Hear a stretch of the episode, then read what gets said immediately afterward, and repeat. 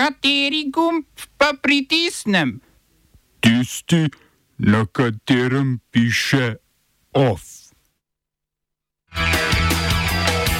Gabonska hunta je imenovala tranzicijsko vlado, volitve novi premije obljublja v dveh letih. Nemški parlament sprejel prepoved ogrevanja na fosilna goriva, a šele z letom 2028. Predsednik španske nogometne zveze Luis Rubiales odstopil. Novi azilni režim na Hrvaškem.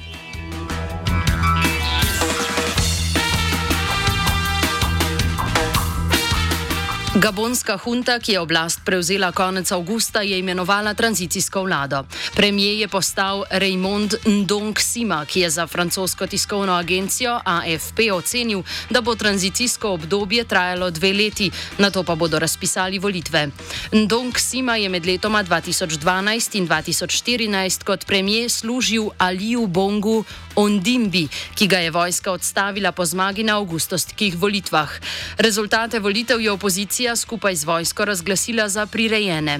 Na volitvah leta 2016 je Sima kandidiral proti Bongu, pred letošnjimi volitvami pa se je distanciral od glavnega opozicijskega bloka pod vodstvom Alberta Ondoja Osaja. V tranzicijski vladi predstavnikov opozicijskega bloka ni, je pa ministr za notranje zadeve in varnost postal Herman Imongol, ki je bil v odstavljeni vladi Bonga zunani minister. Nova obrambna ministrica je postala generalka Brigitte Onganoa.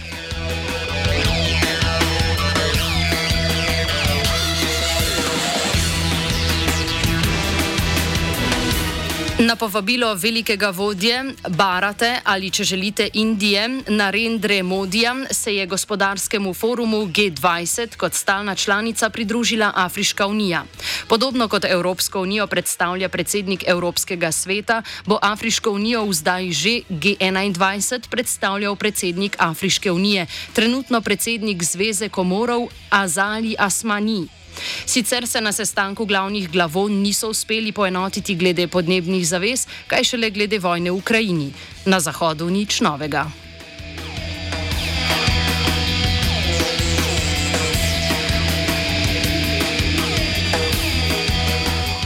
Medtem so na vzhodu, natančneje v Rusiji in ozemljih pod njeno okupacijo, izvedli regionalne in občinske volitve. V večini občin in regij ostaja na oblasti, ne boste verjeli, stranka Vladimirja Putina, enotna Rusija. Stranka je zdaj še z volitvami prevzela oblast tudi v štirih okupiranih ukrajinskih regijah, kjer je zmagala 70-odstotno večino. Nevladna organizacija Golos, ki je opazovala volitve, ruska oblast pa jo sicer obravnava kot tujega agenta, opozarja na omejevanje kandidatur najmočnejše opozicijske komunistične partije. Na vzhodu nič novega. So,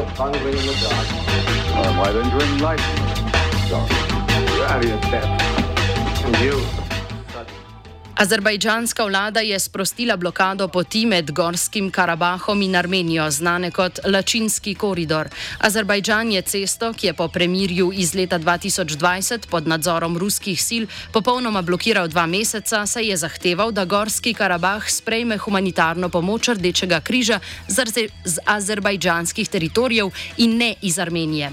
Azerbajdžanska vlada je namreč armensko vejo Rdečega križa obtožila, da koridor uporablja za tihotapljanje trpljenje. Potem, ko je etnično armenska uprava Gorskega Karabaha privolila v prejemanje pomoči iz azerbajdžanskega Agdama, je tudi azerbajdžanska vlada sprostila blokado Lačinskega koridorja. Rezultat humanitarne krize zaradi nedostopnosti Gorskega Karabaha je bil tudi odstop etnično armenskega predsednika tako imenovane republike Arcah, Araika Harutunjana. Na včerajšnjih delegatskih volitvah so za njegovega naslednika ob pritoževanju azerbajdžanskih oblasti, da volitve poglabljajo spor, izbrali Samvela Šaramanjana. Pred uradno blokado Lačinskega koridorja so edino cestno povezavo med Armenijo in ozemljem Gorskega Karabaha, ki po mednarodnem pravu pripada Azerbajdžanu, blokirali že azerbajdžanski okoljski aktivisti. Državi sta v sporu zaradi ozemlja od 90-ih let. V zadnji večji vojni, ki je potekala konec leta, leta 2020 je zmagal Azerbajdžan.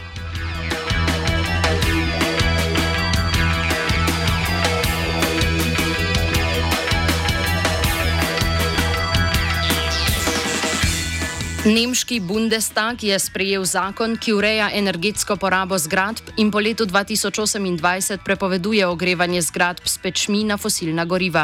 Zakon je postal predmet velikega spora med partnericami semaforske kolacije, ki jo vodi kancler Olaf Scholz. Vojna proti bojlerjem na plin je bila ena prvih prioritet stranke zelenih, močno pa so zelenim nasprotovali rumeni liberalci.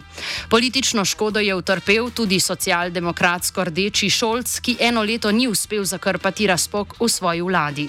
Sprejeti zakon je močno omiljena verzija tega, ki ga je predlagal zeleni gospodarski minister Robert Habeck. Predlagal je namreč prepoved ogrevalnih sistemov na fosilna goriva že z začetkom leta 2024. Po sprejeti verziji zakona pa bodo z začetkom naslednjega leta le novi objekti morali vsaj 65 odstotkov energije za ogrevanje zagotoviti iz obnovljivih virov. Tudi tega bodo lastniki zgradb oproščeni, če njihove občine ne bodo imele pripravljenih načrtov za posodobitev daljinskega ogrevanja. Sprejemanje zakona je poskrbelo za rekordno leto za prodajalce plinskih peči. Opozicijska konzervativna krščansko-demokratska unija je napovedala, da bo v primeru zmage na volitvah leta 2025 zakon razveljavila. Debata znotraj vlade, ki se je razširila vse do tabloidnih časopisov, je razkrila vse manjše potrpljenje nemške javnosti skladnosti do okoljskih zakonov, ki višajo cene na položnicah.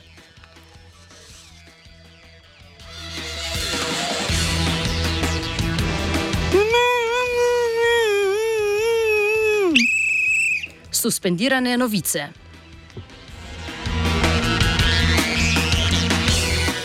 Predsednik Španske nogometne zveze Luis Rubiales je odstopil. Odstopil je tudi kot podpredsednik Evropske nogometne zveze UEFA.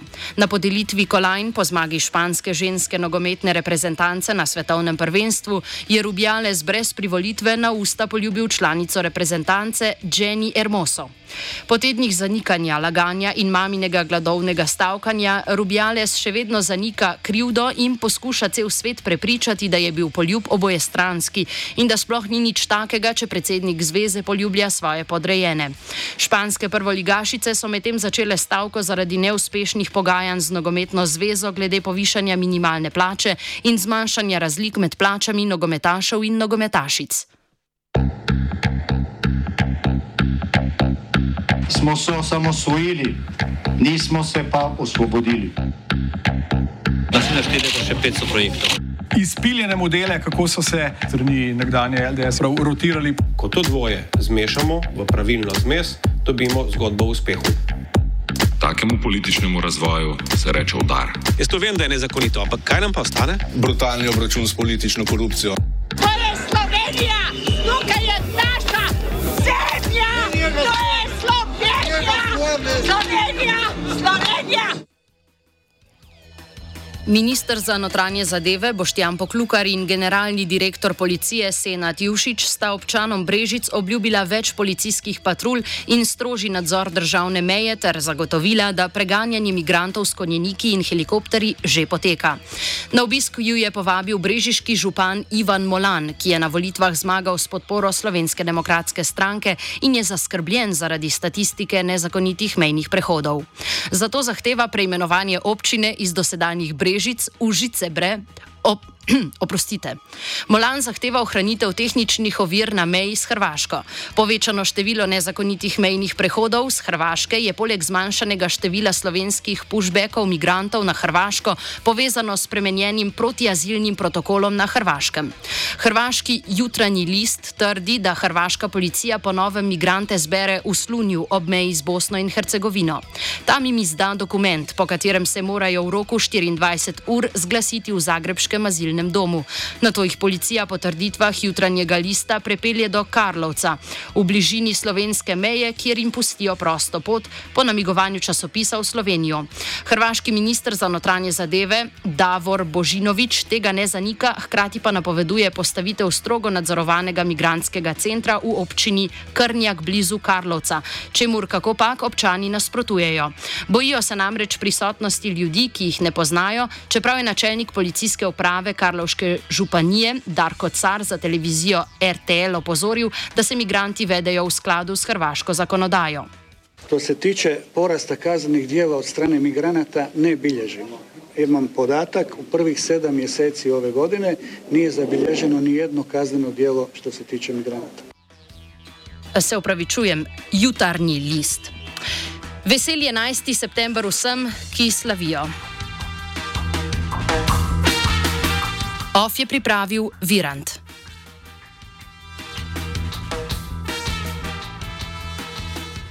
Kdo jih je naredil? Radio. Kdo točno? Radio študent.